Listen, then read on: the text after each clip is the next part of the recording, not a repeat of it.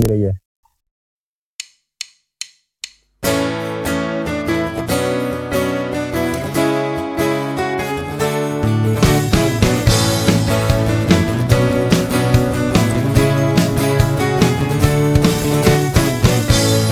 Jumpa lagi di podcast Tenangan Bebas ya.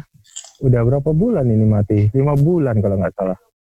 Maaf lah, pandemi corona kan ya ya udahlah nggak usah dibahas. Ini langsung saja ya. Saya sekarang bersama Bung Rio namanya. Bung Rio ini mantan jurnalis ya. Iya Bung, bener Bung. Siap. Uh, ya, walaupun sebenarnya ya masih berkegiatan di dunia jurnalistik. Ah, mantan jurnalis pokoknya di balik papan, sempat di Berau, sempat jadi redaktur di Indopos Jakarta juga. Siap. Jadi unik nih, maksudnya dalam artian saya pengen membahas tentang kan ini pandemi ini menghancurkan semuanya termasuk olahraga ya. Hmm. Terutama jurnalis olahraga seperti saya ini kan bingung ketika menghadapi pandemi ini berita apa yang ditulis, kondisinya kayak gini, ada kebosanan work from home kan kita biasa di lapangan ketemu pemain segala macam. Nah, Bung kita nanya Bung Gio nih, Bung Gio untuk solusi untuk jurnalis olahraga di masa pandemi ini seperti apa sih sebenarnya? Kan ada ada juga tentang finansial, ancaman PHK segala macamnya. Menurut Bung Rio gimana nih? Aduh berat ya pertanyaannya. Sebagai mantan jurnalis harusnya tidak relevan lagi pertanyaan itu. Nah, Tapi ya, apa-apa lah kan. ya bisa lah Hmm. dijelasin sedikit mungkin Hmm. eh, perspektifnya dari segi jurnalistik sendiri ya sport jurnalism ya kita bahas seperti Hmm. Eh, ya kalau sport journalism kan sebenarnya bisa dibilang kalau di ah, olahraga sendiri kan kita bisa identikan sama dua hal lah ya yang bikin dia jadi melekat. Pertama ada unsur kompetisinya, kedua Hmm. ada unsur entertainmentnya. Kan seperti Hmm. itu ya, selalu seperti itu. Dari zaman Romawi kuno juga seperti itu. Hmm. Uh, Nah, ke- ketika perkembangannya zaman gitu di Indonesia sendiri, mungkin yang saya tahu gitu, eh, sport journalism itu mungkin dideklarasikan oleh tabloid bola ya pertama kali Ya benar-benar. sebagai media yang benar-benar Benar-benar khusus olahraga gitu kan? betul khusus olahraga itu Hmm. tabloid bola. Eh, nah, se- sekarang sendiri kan tabloid itu pun sudah sudah rest in peace Mati, lah ya. udah nggak ada Rest in ya. peace gitu kan eh, berubah jadi online gitu. Eh, Hmm. Memang secara finansial sendiri media media dalam tanda kutip yang besar gitu ya, eh, Hmm. yang bentuknya dulu mungkin media cetak atau mungkin radio atau TV ya memang dalam keadaan tidak baik Hmm, saja hmm. gitu karena eh, kalau kita bicara jurnalistik kayak di Amerika itu beberapa media-media eh, karena di Amerika kan tidak ada yang namanya berita nasional apa media nasional tuh nggak ada Eh, Hmm, hmm. yang ada itu media-media di tiap eh, negara-negara bagiannya mereka gitu jadi warga New York ya Hmm. baca New York Times warga Boston ya bacanya Boston Globe Eh, pun sebaliknya kayak di Amerika ini pada saat pandemi ini hampir kurang lebih saya kurang tahu pastinya tapi ada ratusan media yang kolaps gitu Hmm, itu dia. bisa dibayangkan eh, situasinya itu Heeh. negara sebesar Amerika loh Nah, ya iya benar benar. sudut pandang kita tuh melihat Amerika itu dengan segala macam jurnalis Super powernya. benar super powernya entertainment sportnya gitu kan kalau kita Hmm. lihat dari segi, segi olahraga gitu Eh, kemudian mereka kita tahu lah karya-karyanya mereka menang Pulitzer dan lain-lain gitu banyak sekali media Hmm. di sana tapi ya terdampak juga secara secara finansial dan secara pekerjaan ya begitu Hmm, hmm. nah eh, emang kita aku udah ngelihat ini dari sejak lama sih maksudnya dari sejak berapa tahun yang lalu memang kita perlu adaptasi dari segi karya Hmm. jurnalistik itu sendiri gitu bahwasanya eh, jurnalistik kita ini nggak bisa stuck dengan gaya satu gaya pakem gaya gitu aja loh gitu yang selama ini kita Hmm. kita tahu lah ada yang kita pelajarin dari senior senior kita gitu ya Eh, kalau di jurnal kalau di Jawa Pos lah kultur Jawa Pos tuh Hmm. ada yang namanya rukun iman gitu katakanlah ya Iya, Ruben Iman. ha. rukun iman gitu apa aja sih yang eh, bisa jadi berita dan lain-lain. Nah, di era pandemi Hmm. tidak ada lagi yang namanya eksklusivitas, Nah, itu dia. tidak Kan- ada lagi. Iya nggak ada. Kan apalagi di bawah ancaman kayak kan sekarang ada istilahnya teori konspirasi yang bilang media itu penyebar corona kan bisa terdampak juga. Padahal kita di jurnalis olahraga sendiri kan nggak pernah berbicara tentang corona konspirasi. Kita benar-benar murni pure untuk berbicara tentang memberitakan tentang olahraga. Betul. Tapi eh, wacana untuk jauhi media segala macamnya kan berdampak banget untuk kita juga kan. Untuk mereka masyarakat. Akhirnya malas nonton TV malas membaca. Padahal kan Ya. nggak ada hubungannya kan selama ini kan sebenarnya kalau media itu menyampaikan kan apa jadi sumber menyampaikan bukan kita membuat ini terasa mengerikan kalau aku ngelihat berita utamanya. Kalau tentang berita olahraga toh kita nggak ada hubungannya sama pandemi. Masyarakat kan sebenarnya butuh hiburan juga tanda tanda kutip hiburan apa sih yang sekarang data YouTube juga gitu-gitu aja kan kita lihat. Materi dalam artian kita harus berinvestasi dengan YouTube juga tapi ya gitu-gitu aja. Kita butuh literasinya literasi hal yang nggak bisa dibicarakan apa pun dengan literasi itu apa ya beda gitu. Kita kita membaca tentang sosok Cristiano Ronaldo dengan Hmm. gimmicknya segala macam. Kita nonton Hmm. oh ya udah nonton gitu. Tapi kalau ketika kita meng, apa analogikan lewat tulisan kan jatuhnya berbeda. Nah itu betul. gimana solusinya untuk melawan melawan wacana untuk menjauhi media loh Bung Tio gimana? Ya. solusinya seharusnya apakah pemerintah harus turun tangan Oh enggak, enggak, enggak perlu sampai tangan pemerintah sih sebenarnya. Kejauhan, karena kita pun juga gini, kalau kita mau berharap pun sama pemerintah, pemerintah bisa apa gitu. Eh, Hmm. Toh, aku aku pernah bilang ini lah, mungkin ini sedikit ekstrim gitu ya. Dulu eh, Hmm. undang-undang pers kita itu kan dibuat tahun 99, Hmm. undang-undang nomor 40 tahun 99 ya. Eh, Hmm.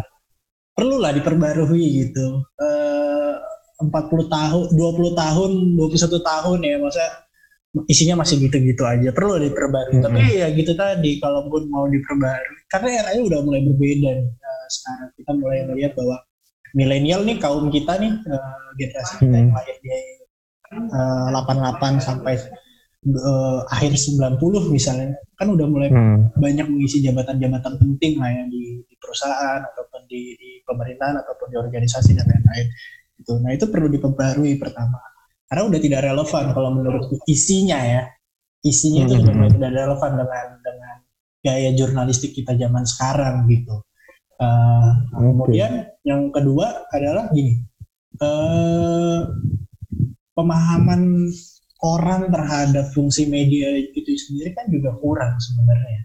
Nah, Eh, benar, benar. Benar. di masa pandemi tambah pandemi ya tambah lagi jadi gorengan Eh, gorengan orang yang hmm.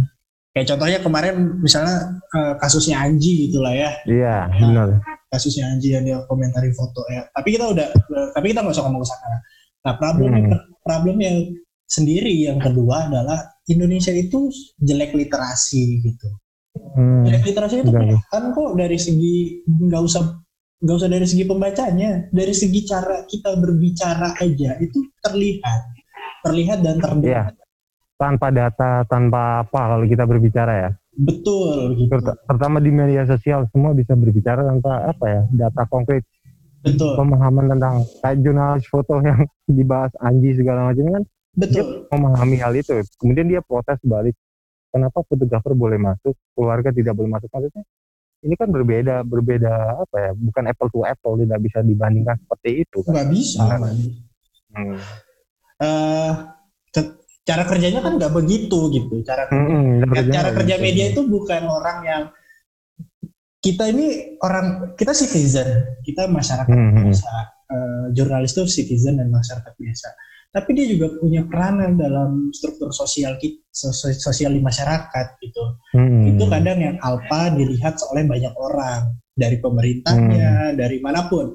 Apalagi kalau kita bicara spesifik sport journalism ya.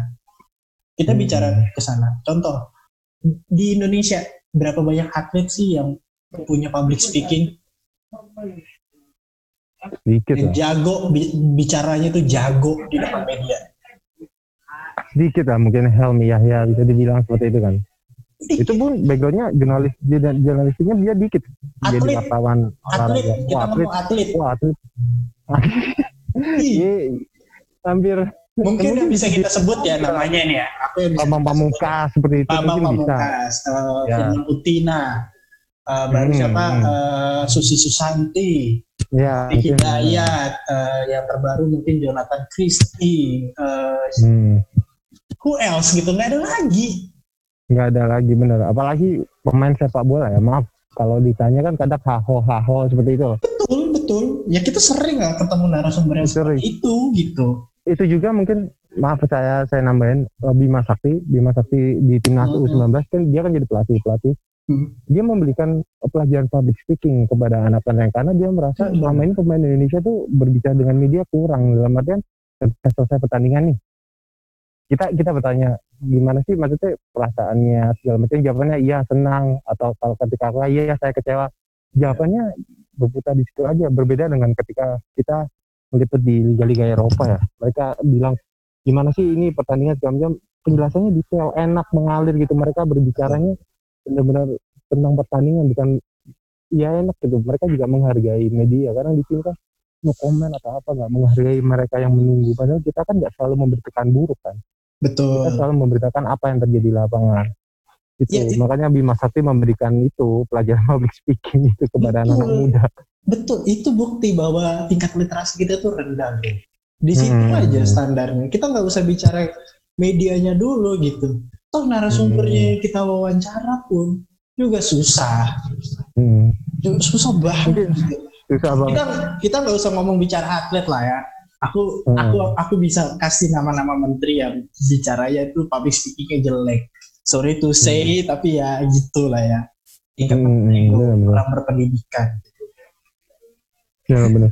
Bro kan gini uh, kita kita wartawan jurnalis jurnal, jurnalis olahraga seperti saya nih sekarang saat pandemi. Kita sebelum pandemi aja udah stres dengan beberapa akun media sosial terutama Instagram yang asal comot cerita kita gitu. Ya, ya nggak maksudnya ya, tanpa um. izin tanpa ngetak segala macamnya dan mereka punya followers banyak hmm, hmm, hmm. iklan di situ banyak iklan hmm. masuk ke situ jadi dalam artian ketika kita di pandemi ini banyak ah. banyak orang yang tutup banyak media yang tutup banyak yang di PHK kadang kadang sedih loh kita bekerja untuk akun-akun yang memanfaatkan kita ya tapi akun-akun ini nggak ada apa ya nggak ada respectnya ketika mencomot-comot perlu nggak sih uh, pemerintah terutama apa bagian kalian sebenarnya berarti informatika ya?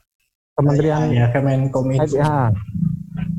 Perlu nggak sih ada peraturan bahwa akun-akun ini harus benar-benar di, di diperingatkan keras gitu? Karena ini kan sama aja mencuri mencuri apa ya? Mencuri karya orang kan tanpa izin. Foto kemudian ya. diambil segala macamnya tanpa izin tanpa memberitakan sumbernya. Sumber pun mungkin kalau sumber dikasih tapi nggak di sumber aslinya. Jadi ya ada ada rasa ini aku yang nulis aku kerja keras di lapangan gitu. Apalagi masa pandemi kan kita keluar kita butuh pulsa untuk menelpon narasumber kan. Betul. Jalannya enak saja coba itu perlu nggak seperti ini ada aturan untuk memperketat hal-hal gitu? Perlu nggak sih? Perlu perlu. Uh, hmm.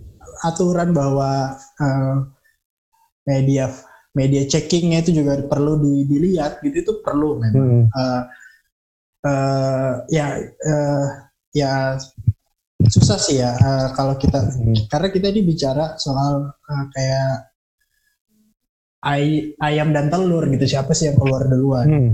uh, uh, antara hmm. si jurnalisnya yang bergerak duluan pemerintahnya atau si uh, publik sebagai audiens hmm. atau pembaca atau pendengar ataupun penonton ini ini tarik menarik di antara uh, tiga kutub itu gitu Hmm. Apalagi masa pandemi kan penikmat Instagram meningkat ya dan dan akun-akun hmm. itu enak enak kali gitu makin hmm. banyak hmm. followers hmm. makin banyak iklan masuk gitu hmm. sedangkan kita nggak dapat apa-apa hmm. harus nggak sih mulai sekarang pemerintah memikirkan ini gitu untuk menyelamatkan uh, jurnalis di Indonesia loh um, aku kurang bisa menjawab ya karena pertanyaan hmm. pemerintah gitu kalau pemerintah karena Menurut aku tuh orang ya. orang yang orang yang sudah tidak percaya pemerintah sebenarnya, apalagi pemerintah Indonesia ya. jadi, jadi sangat sulit ya untuk untuk menyetop hal itu. Enggak, karena aku ngelihat gini, terutama sepak bola di Eropa yeah. segala macamnya. Uh, aku mikir nggak banyak berita-berita yang mencomot kayak gitu, mencomot seperti akun-akun oh, itu kalau di Eropa Ambil. aturannya sangat strict bro nggak nah, nggak iya. nggak nah.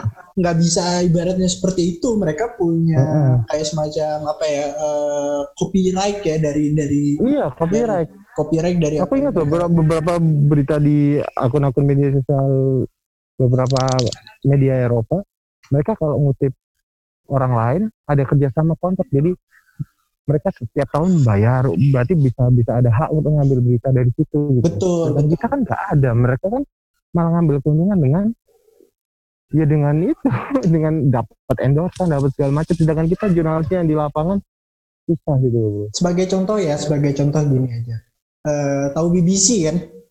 Nah, nah, nah. Uh, kantor beritanya Inggris lah ya kita tahu. BBC hmm. itu kan punya pemerintah itu sebenarnya. Hmm. Nah, uh, jadi mereka BBC itu mengkoordinasi media-media di Eropa misalnya uh, hmm. untuk uh, pemberitaan-pemberitaan yang berkaitan dengan pemerintahan Inggris gitu. Mereka hmm. jadi kayak corong-corong pemerintah, corong pemerintah hmm. Inggris. Tapi kan mereka keren, yang dikerjakan tuh banyak hal gitu, nggak cuma kayak sorry itu saya kayak TVRI atau RRI lah, yang kontennya hmm. sendiri kita juga males gitu. Aku aku mungkin udah nggak pernah nonton TVRI dari 25 tahun kali udah nggak pernah nonton TVRI gitu kan. Sorry sorry hmm. aja gitu. Terakhir yang aku tonton TVRI unyil gitu kan. Hmm. tapi kalau di BBC uh, di BBC itu evolve gitu. Kayak misalnya mereka punya BBC Radio One yang di YouTube-nya itu bagus banget pengerjaannya itu rapi dan lain-lain gitu hmm. se, se sebagus itu atau uh, kantor berita medianya kantor beritanya Jerman di W hmm. gitu uh, hmm. itu memang uh, mereka misalnya karena mereka tidak punya apa namanya tidak punya uh, tempat misalnya di Inggris sementara banyak pemain atlet Jerman uh, atau sepak bola Jerman yang bermain di Liga Primer Inggris mereka bikin kantor di sana untuk untuk apa namanya untuk uh, supaya uh, apa uh, masyarakat Jerman nih bisa tahu nih berita berita berita hmm. soal pesepak pesepak bolanya yang ada di Liga Primer Inggris pun sebaliknya uh, hmm. kalau misalnya ada di Spanyol juga mereka kirim ke sana apa segala macam nanti media-media yang ada di Jerman kalau mau ngambil dari materi di W ya beli bayar gitu sama hmm. yang dilakukan antara sekarang lah misalnya Hmm. Nah, ada ada nilai transaksional kita nggak bisa menyampingkan bahwa media ini bisnis gitu. Iya.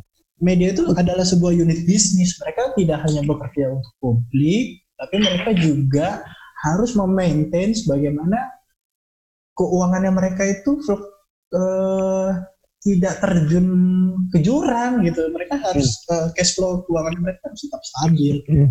Itu yang harus diperhatikan aku sama teman-teman PSSI PSSI pers ya pernah hmm. uh, sedikit tanda kutip marah kepada akun-akun ini kan. Kita sempat tolong dong kalau ngutip segala macamnya ditaklah minimal kalau kalian nggak mau.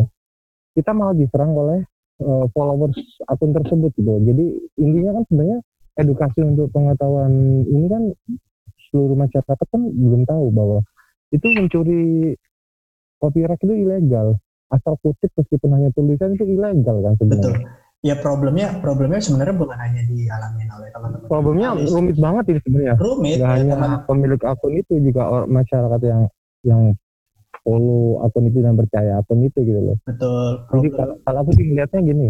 Gimana? Mending gak sih pemerintah daripada blokirin situs porno yang kita bisa buka dari VPN kan? kita buka dari segala macamnya itu. Fokuslah ke sini gitu. Maksudnya media ini kan ikut mencerdaskan bangsa juga kan kita kita ini kan ikut ya, mencerdaskan ya. bangsa. Iya ya. Mendingan mendingan mereka blokirin lah akun-akun yang benar-benar nggak nggak apa nggak nggak bayar copyright nggak menghargai uh, apresiasi kita. Dulu Nanti dulu, dulu tahun lalu lah ya orang Kemenkominfo itu pernah datang ke kantor uh, hmm. kantorku yang lama untuk diskus hmm uh, dari mereka tuh nggak bisa. Eh, nggak uh, bisa karena nggak ada report nggak ada laporan. Ah itu problemnya. Jadi pemerintah tuh kerja berdasarkan report atau laporan dari kita. Karena ada kayak semacam uh, polisi pun kan sebenarnya sudah sanggup ya karena ada ada mm-hmm. tim forensik arminya sendiri gitu yang melacak kegiatan-kegiatan uh, transaksi yang Berarti kalau kalau sifat seperti itu, kriminal di dunia maya gitu. ah, Nah, tapi kalau kan seperti itu medianya berarti harus turun kan berarti harus betul melaporkan. harus bikin laporan karena laporan. merasa dirugikan Hmm, hmm, hmm. gitu. Dulu pernah kok Jadi ini kantor, pema- kantor Hmm. kami itu eh kantor saya kantorku dulu itu bikin laporan gitu ada yang punya nama sama gitu cuma beda belakangnya itu kalau nggak salah dia .net gitu sama namanya indopos.net Hmm. gitu. dan di lapangan mereka ngaku wartawan indopos dan akhirnya banyak report Hmm. ke teman-teman di redaksi bahwa eh kenal ini nggak ini ada wartawan indopos datang ke sini dan namanya sama gitu hal yang seperti itu Hmm. juga nggak bisa dicegah bro Hmm. gitu Jadi ini berarti pelajaran untuk para pemilik media atau mungkin kita water. Kalau nemu seperti itu report aja ya. report Ntar report. gimana ya gimana gimana berarti pemerintah lah yang kita selain pemerintah kita meskipun sedikit anak petik tidak percaya pemerintah kita selain lah. Karena Iya, kan harus. sebenarnya. Eh, bukan bro, Heeh. betul betul betul ya sama ya mungkin solusinya adalah ditingkatkan kontennya gitu Eh, ya aku Hmm. aku berbicara sebagai penikmat lah ya penikmat dan pembaca ataupun eh, Hmm. user gitu ya ya konten Hmm. jujur ya konten-konten media kita tuh sampah bro iya, tapi sampah tapi apa ya? Aku kadang ngelihat like-nya banyak banget pada medianya sendiri, media yang asli yang dia contoh. Kemudian endorsannya banyak banget seperti itu. Ya. Kadang kita, kita di wartawan kita yang kerja keras di lapangan yang nikmatin si anjing-anjing ini. Gitu. jadi memang Iya. harus satu kesatuan kalau mau bergerak si medianya berbenah nih medianya berbenah Hmm. terus kemudian pemerintah eh, eh ini ada laporan begini loh ini ada kami merasa dirugikan gitu Hmm. eh, Itu ada sebenarnya PWI AJI itu kan sebenarnya bisa kan melaporkan itu enggak tugasnya kan? Bisa nggak sih? Mereka mereka kan ada dewan pers sebenarnya Nah iya, Dewan Pers juga. Mereka cuman kan problemnya dewan pers ada dari komunitas kita. betul cuman problemnya dewan pers itu hanya mengakomodasi antara narasumber dengan media Nah itu. bukan Aku media nggak dengan media itu. Heeh, nggak sukanya mereka hanya jadi jembatan gitu loh. Mm-mm. Jadi nggak jadi sesuatu yang membela gitu. Media ini kita bela. Ada yang ada yang merusak kita bela seperti itu loh.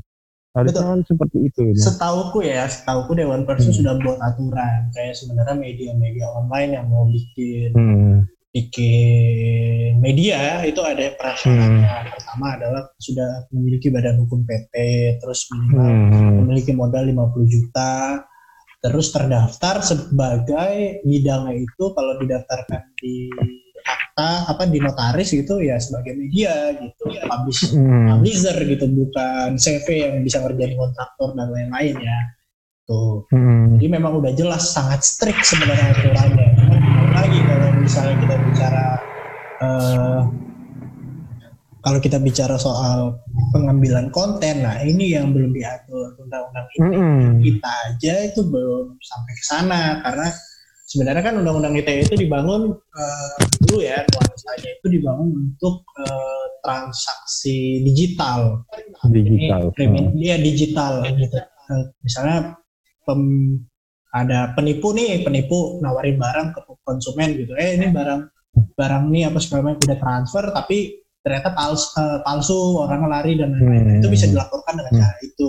Tim tim apa sih namanya itu tim dari kepolisian tuh bisa melacak itu Cyber ya, cyber Polri itu. cyber Polri itu Hmm. bisa melacak itu gitu tugasnya itu itu sebenarnya bukan untuk memakzulkan bukan untuk eh, mencari apa namanya eh, apa orang-orang yang menghina presiden atau apa bukan Hmm. tugas tugasnya polisian cyber army itu bukan itu gitu. Bukan cyber polri itu tugasnya bukan untuk itu tugasnya itu tadi menjaga eh, citizennya dari hal-hal yang sifatnya kriminal gitu. Mulai dari Hmm, hmm, segi ya tadi pengambilan konten dan lain-lain gitu ya didistribusikan secara digital itu boleh kerjanya hmm, hmm. ada pasalnya kok aku lupa karena nggak buka tapi ada pasal yang menyebut itu gitu nah problemnya di kondisi yang sama ini terjadi juga di industri yang lain kayak industri perfilman industri musik Hmm, hampir terjadi di segala bidang gitu cuman bedanya hmm. mereka itu sudah siap bro secara industrinya udah siap duluan Hmm. Tuh, Jadi kayak sekarang nih udah mereka disupport nih kayak ada Spotify, ada dan lain-lain. Jadi mereka lebih aman lah untuk itu. tapi kan juga nggak bisa dicegah nih kayak misalnya kayak orang cover terus dapat duit terus pencipta lagunya nggak dapat apa-apa itu itu Hmm, lagi nggak bisa dijaga, juga susah. gitu. Iya lagi, lagi diributin juga. Nah kondisi yang sama ah, hampir sama yang terjadi sama teman-teman jurnalis lah yang kontennya diambil dan lain-lain. Nah sementara di sisi lain medianya pun Hmm. untuk bisa misalnya menarik minat pembaca yang tadinya ke akun-akun bodong lah atau apa pun itu Hmm, tidak berbenah benar, juga, benar. tidak memperbaiki diri juga. Jadi kita harus introspeksi juga ya, nggak hanya protes gitu kan. harus harus Hmm. ya sebenarnya kita Bro, punya, di- punya contoh lah bro eh, konten katakanlah kayak sepak bola gitu ya yang bagus tuh bagaimana hmm. Romo Sindu itu udah udah bikin buku tentang sepak bola tuh yang bagus banget bro Hmm. bola di balik Hmm. bolan bola di balik bola bulan ya catatan sepak bola sini atau tuh bagus banget bro ada ya halo halo halo Halo. ya Iya bro. Hah? ya nah. ya eh, kita sebenarnya kan punya contoh bagus bro sebenarnya untuk bisa Hmm. eh, role model ya eh, konten yang ba- bagaimana sih yang bagus untuk bisa dinikmati sama pembaca atau audiens gitu ya Hmm. Eh, itu Romo itu Romo Sindunata itu udah pernah bikin itu bro, bro contohnya Eh, buku bola di balik bulan itu bagus Ya, ya, ya. kan gitu banyak banyak banyak penulis-penulis sepak bola yang bagus juga Hmm. banyak itu kan bukti bahwa jurnalisme atau maksudnya berbicara tentang sepak bola kalau mencari literasi tentang sepak bola itu Hmm. sebenarnya bukan banyak yang menarik banyak yang hiburannya gitu Mm-mm. hmm. kayak siapa eh Batan tadi, Miftahim itu kan dulu nah pasti ya. Nanti ada ada ada ada lagi Batan Japos Farid Satya Maulana itu mau nerbitin Iya, buku juga harus harus. Ya bentuknya mungkin kalau ke depan mungkin nggak usah buku lah ya, bisa bermacam medium. ya benar-benar Mediumnya bisa banyak. Cuman ya tadi. salah satunya podcast ini kan mediumnya Nah betul. Jadi oke oke disajikan dengan cara yang berbeda kalau memang Mm-mm. oke kita kalah nih sama akun-akun bodong Hmm. itu yang atas. Hmm. Oke, tapi kamu kan nggak punya kreativitas seperti kita, kamu tidak punya kedekatan narasumber seperti kita. Gue bikin yang Hmm, lain yang nggak bisa lo nggak bisa lo copy paste gitu. nah itu benar-benar terus bro Kompetisi bro. Halo? Hmm, bro, ini lagi eh, tentang kan kita wartawan olahraga kan tanda kutip bisa bisa bisa depresi. Tahu nggak sih? Kita eh, kita nggak tahu harus liputan ke mana tiap hari teleponnya seperti kita biasa ketemu dengan sumber secara tatap mata, ngopi, ngobrol bareng, lebih dekat. Kita sekarang kan susah dengan Hmm. adanya pandemi. Eh, gimana caranya kita nggak stres biar nggak Nah, jurnalis kalau kalau kalau nggak keluar rumah kan jurnalis kan stres kan. Bahaya banget kan itu sebenarnya depresi itu depresi apa, bahaya terkungkung dalam kebosanan apalagi ada ancaman PHK eh, media yang ambruk lah segala macam kita terkungkung karya kita nggak maksimal. Ya. Hmm. Itu gimana sih? Perlu nggak sih gini loh?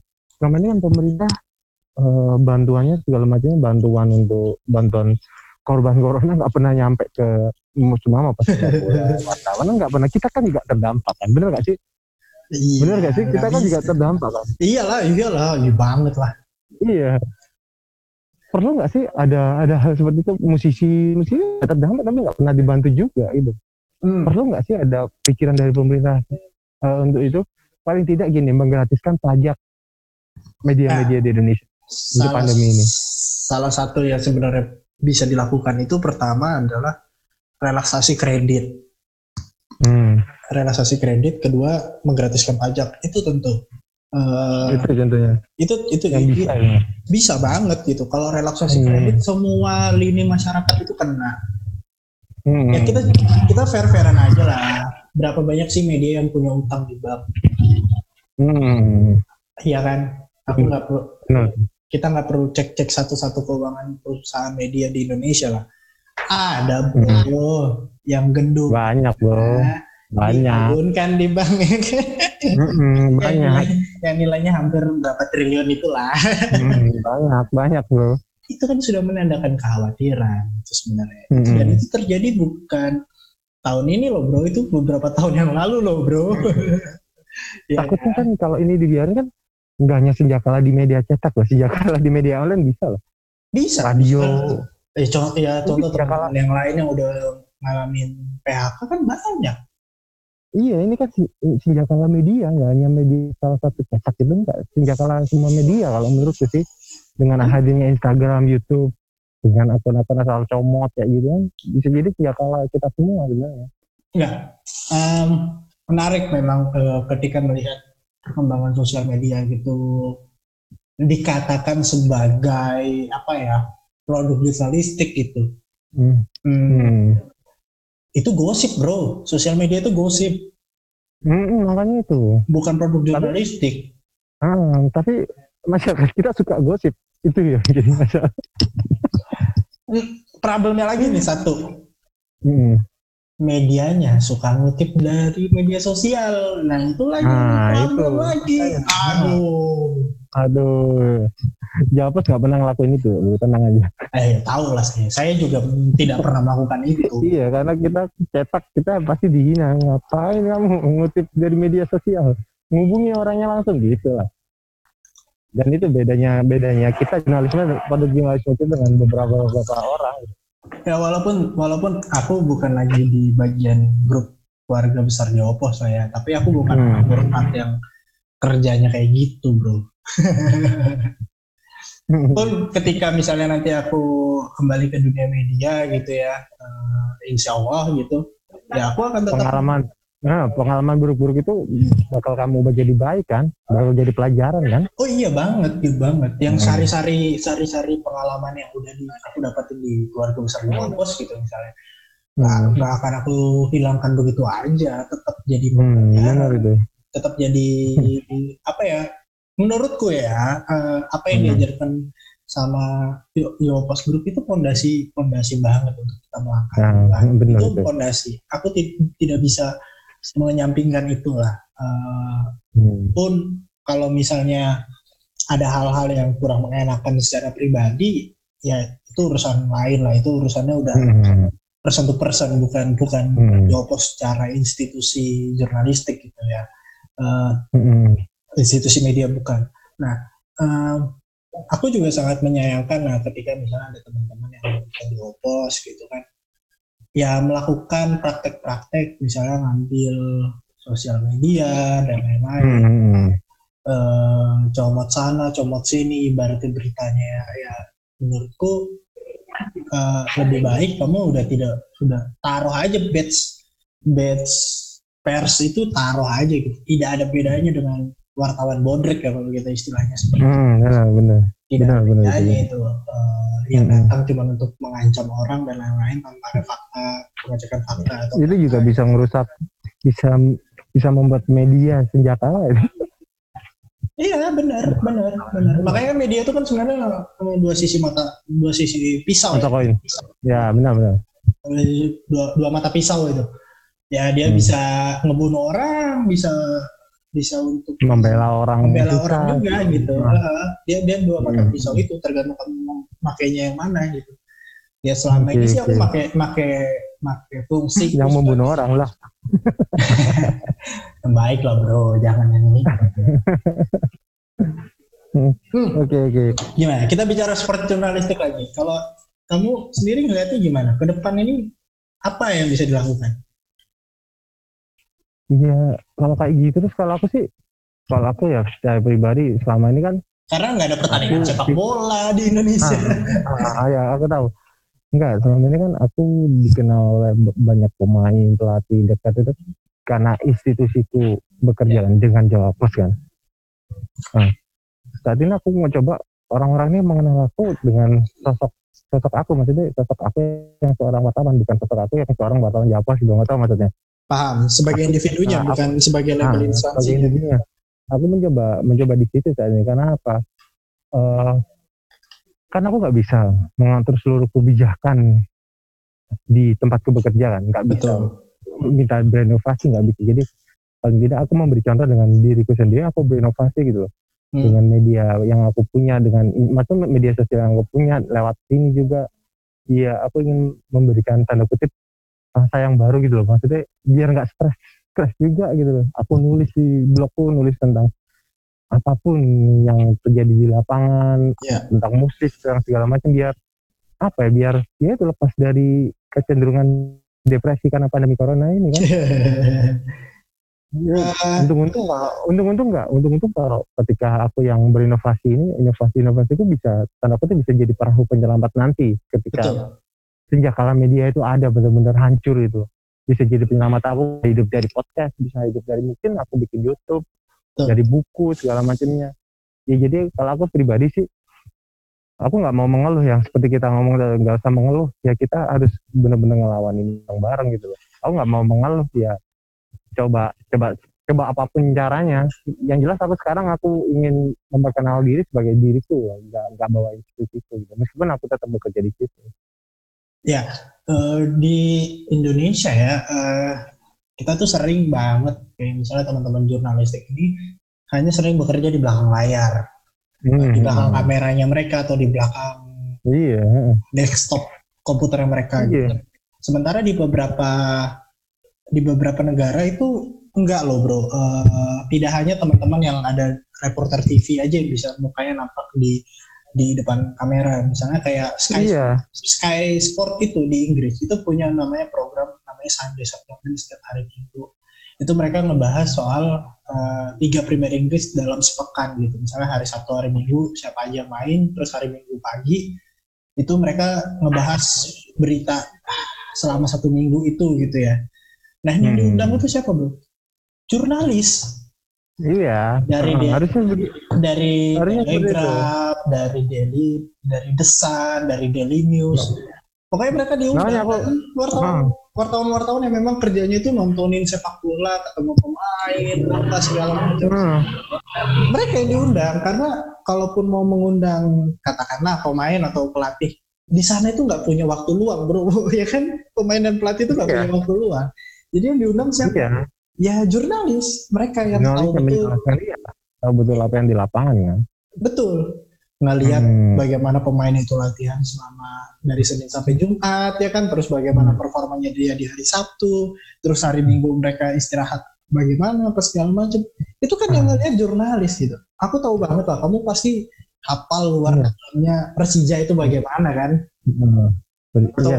dan itu maksud itu eh, dan itu harusnya tanda kutip harusnya dipahami oleh oh, pemilik-pemilik media di di Indonesia terutama. Dalam artian gini ketika kita berbicara tentang sepak bola itu bukan Hmm. artis yang diundang gitu iya. Bukan youtuber yang diundang tanda kutip youtuber yang suka MU gitu diundang untuk berbicara. Enggak.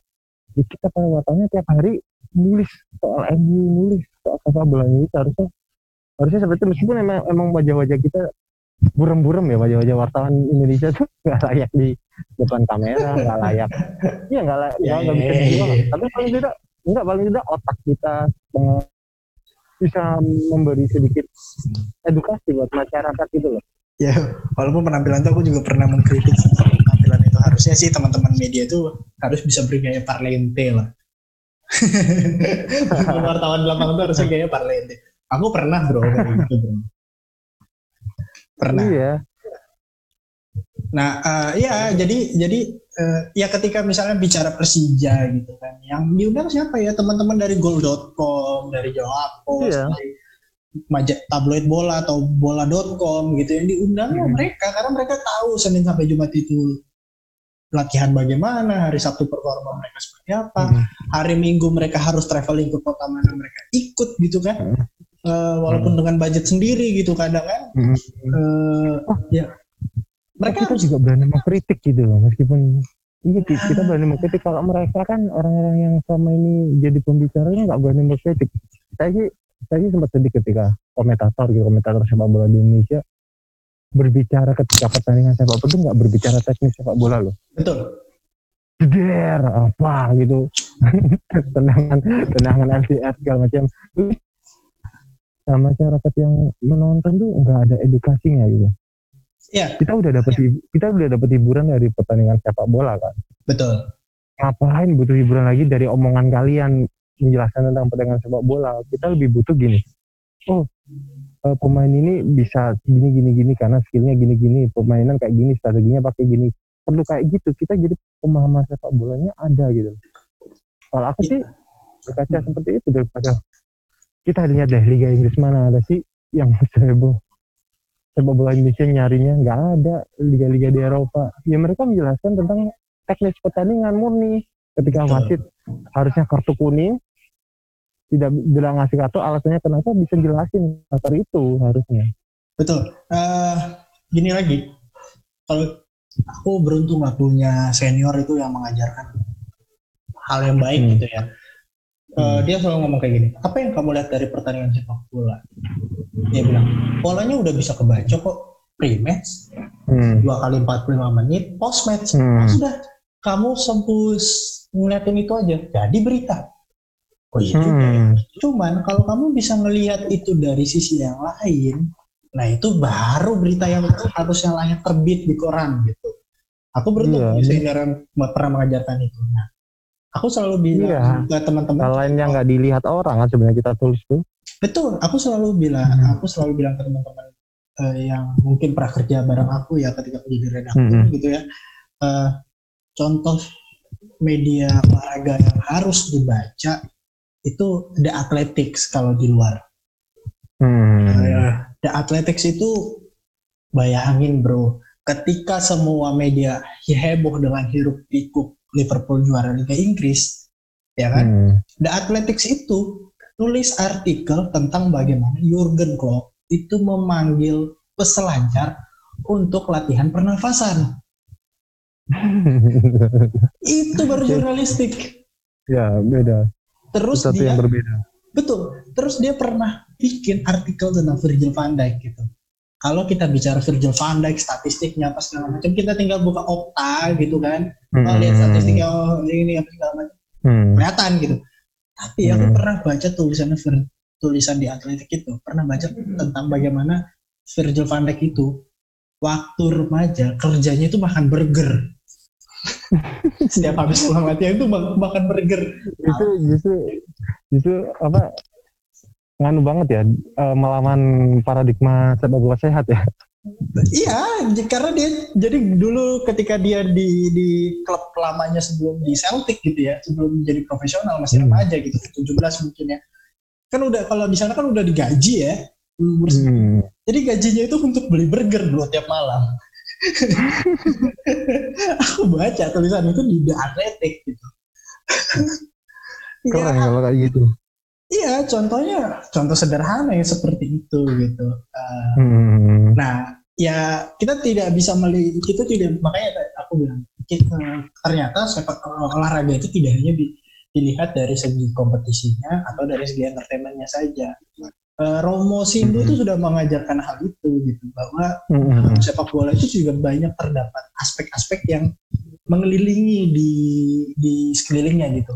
Kayak contoh Hmm. aspek politiknya ada, Hmm. aspek ekonominya ada, apalagi sekarang sudah menjadi industri ya, sepak bola di Hmm. Eropa gitu kan, aspek kebudayaannya ada, bahkan sampai aspek humanisnya pun kan ada gitu, nilai Ada, kan ha. ada, historinya juga ada. Nah, eh, hal yang itu kalau digali, digali lebih lebih lebih dalam, aku yakin akan melahirkan konten yang sebenarnya lebih bagus ketika menarik iya zaman benar sekarang. benar Nah, benar benar setuju setuju. aku dulu pernah bro sempat mau ngerjain hal ini. Eh, di Berau dulu waktu aku masih bertugas Hmm. di Team gitu. Aku dapat info bahwa Ajax Amsterdam itu pernah main di sana. Di Berau? Di Berau di akhir abad ke-19 berarti 1890 sekian lah ya. Hmm. Ada foto ada foto orang Belanda main sepak bola di lapangan itu dipercaya warga Berau bahwa itu Ajax Amsterdam oke dipercaya sama mereka ya. Aku sebagai orang yang mendapat informasi itu tentu skeptis dong, nggak mungkin lah. Hmm. Ya, Hmm. aku cari informasinya apa segala macam, nggak ada literasi yang menguatkan statement itu gitu atau foto Hmm. itu. Dan itu kan nggak bisa dibilang sebagai sebuah histori gitu, itu bisa aja misalnya pekerja-pekerja eh, VOC misalnya. VOC ya benar. Amsterdam gitu kan. Main bola Ya, di benar. sana gitu tanding bola ya ya terjadi seperti itu. Berarti kan ada nilai-nilai histori yang bisa digali di sana. Hmm. tapi Bisa- tapi tapi itu kan bagus ketika kita bicara eh Berau ini pernah ada orang Belanda main di sini nih maksudnya artian Iya, orang-orang kemudian kenapa kalian nggak sepak bolanya nggak seperti itu? Padahal di bawah ada pernah ada sepak bola gitu loh. Istilahnya kan seperti itu jelek-jelekannya Iya, iya, iya, iya, iya, iya. Makanya agak agak susah gitu maka uh, ketika ketika aku bertugas di Broad terus kemudian dipercaya megang halaman olahraga dan halaman ekonomi ya. Salah hmm. satu aspek yang aku sorotin adalah kompetisi karena ya tadi hmm. olahraga tidak bisa dikesampingkan dengan itu. Kompetisi itu bisa dihitung jari lah dalam setahun. Kompetisi sepak bola hmm. apa pun lah. Sampai akhirnya hmm. aku satu setengah tahun jalan di sana megang halaman itu Alhamdulillah eh, akhirnya setiap bulan tuh ada bro kompetisi mulai dari sepak bola, hmm. futsal dan lain-lain. Karena apa? Uh, waktu itu aku dan teman-teman mulai meliput nih mereka, mereka latihan diliput aja dulu gitu kan urusan mereka hmm. andinya kapan urusan nanti lah itu bukan tugas kita gitu kan. Tapi kita hmm. juga melakukan komunikasi dengan induk olahraganya mereka gitu. Hmm. Uh, dengan Koni misalnya. Jadi kita kayak penyambung lidah sekaligus kalau di sana itu karena hmm. tidak ada media-media nasional yang meliput gitu. Tidak ada media hmm. gede Kompas, gede Tempo, hmm. TV di sana TV lokal yang mau menyiarkan pertandingan ada gitu ya. Ya hmm. kami sebagai koran yang di sana bertugas dan berkewajiban untuk memberikan informasi tentang olahraga berau. Mereka hmm. itu nggak nggak perlu Lionel Messi tahu tahu tahu pertandingan antara Barcelona dengan Real Madrid mereka udah nonton ngapain kita bikin apa namanya hmm. berita di koran mereka sudah nonton hmm, kayak gitu karena sudah ada teknologinya yang perlu kita lakukan adalah ini yang nggak kelihatan kelihatan yang mereka nggak tahu dari jam 8 sampai jam 5 mungkin uh, apa namanya kerja apa yang terjadi di antara jam 8 jam 5 itu kan banyak hal bro olahraga hmm. terjadi uh, ekonomi hmm. terjadi akhirnya jadi kerja kuat itu ngeliput ke sekolah-sekolah oh tim sekolah ini latihan di foto apa segala macam. Hmm. klub futsal ini lagi latihan ke foto apa segala macam. Akhirnya benar, dari benar. situ. Lebih iya lebih kedekatan hidup, dengan masyarakat lebih ada hidup hidup.